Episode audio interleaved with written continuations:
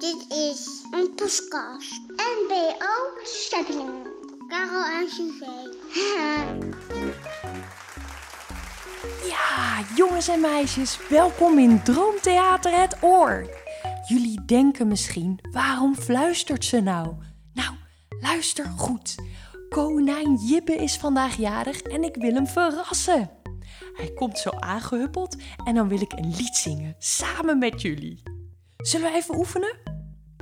Ja, doen jullie mee? Oké, daar gaan we. Drie violen en een trommel en een fluit. Want Jippe die is jarig en de vlaggen hangen uit. Oh, daar komt hij.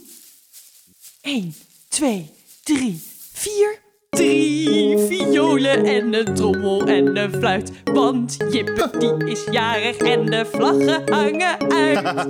Jippe, gefeliciteerd! Dank jullie wel. En het is dubbel feest vandaag, jongens en meisjes. Want dit is weer een nieuwe aflevering van Droomtheater Het Oor. En de stemming, die zit er al goed in, zeg. Maar voordat we gaan beginnen met het verhaal, moeten we eerst even onze oren checken. Voel maar even aan je ene oor en aan je andere oor. Zitten ze er allebei nog aan? Dan gaan we ze nu aanzetten. En kunnen we aan ons avontuur beginnen. De jarige Jibbe Job gaat het verhaal natuurlijk weer voorlezen. Ja. Dat doet hij net als op gewone Jibbedagen. Hier in het Droomtheater, speciaal voor jou. Ga je gang, Jibbe. Je mag.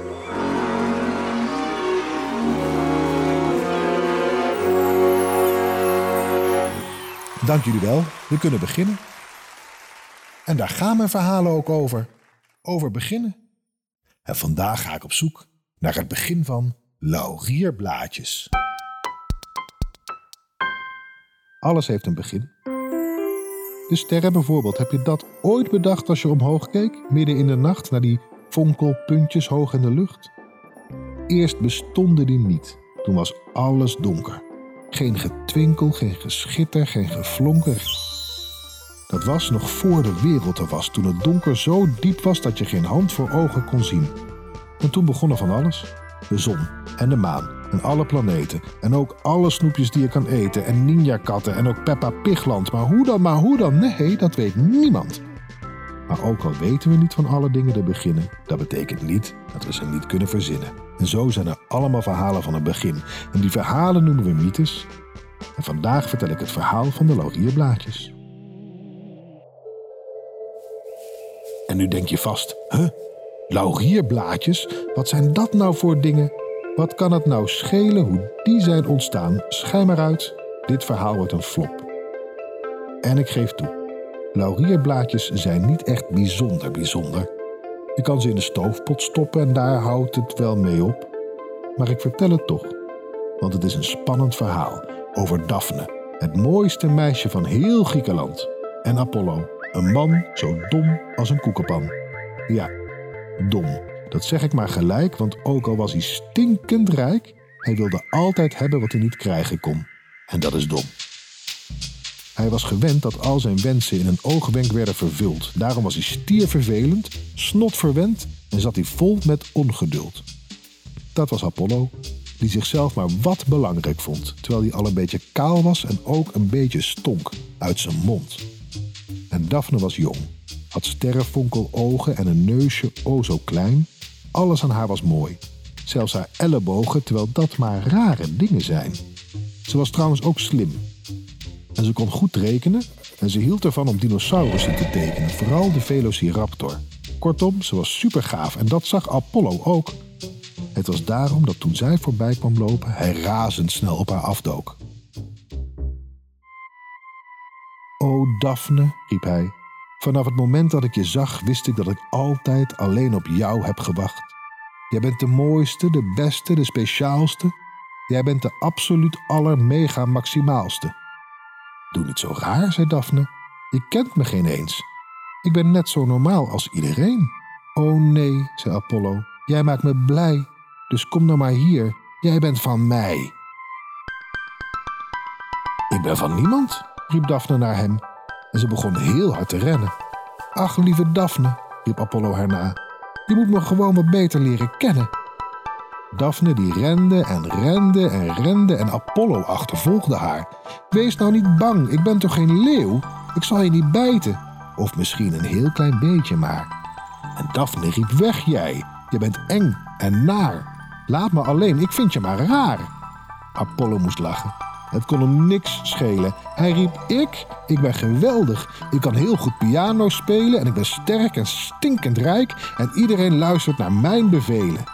Nou, ik niet, riep Daphne. Jawel, riep Apollo. Jawel, iedereen. En nu wil ik een kus. Maar Daphne wilde er geen. Oh, trouwens, kussen. Weet je wat dat is?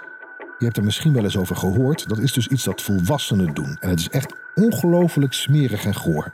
Ugh. Nou, Apollo werd steeds meer zaggerijnig. Hij vond het allang niet meer zo geinig. Hij riep: Kom op, Daphne, ren toch niet zo snel. Dan zal ik je ook minder hard achtervolgen. Maar Daphne was slim. Die ging dat niet geloven. Ze rende nog harder, nog sneller weg. Maar ze werd moe. En ze voelde haar benen steeds zwaarder worden. Ze had nog maar even. Oh, help me, riep ze. Laat me ontsnappen. Ik wil niet dat die vieze Apollo me pakt. En ze zette nog één, twee, drie stappen. Toen ging het niet meer.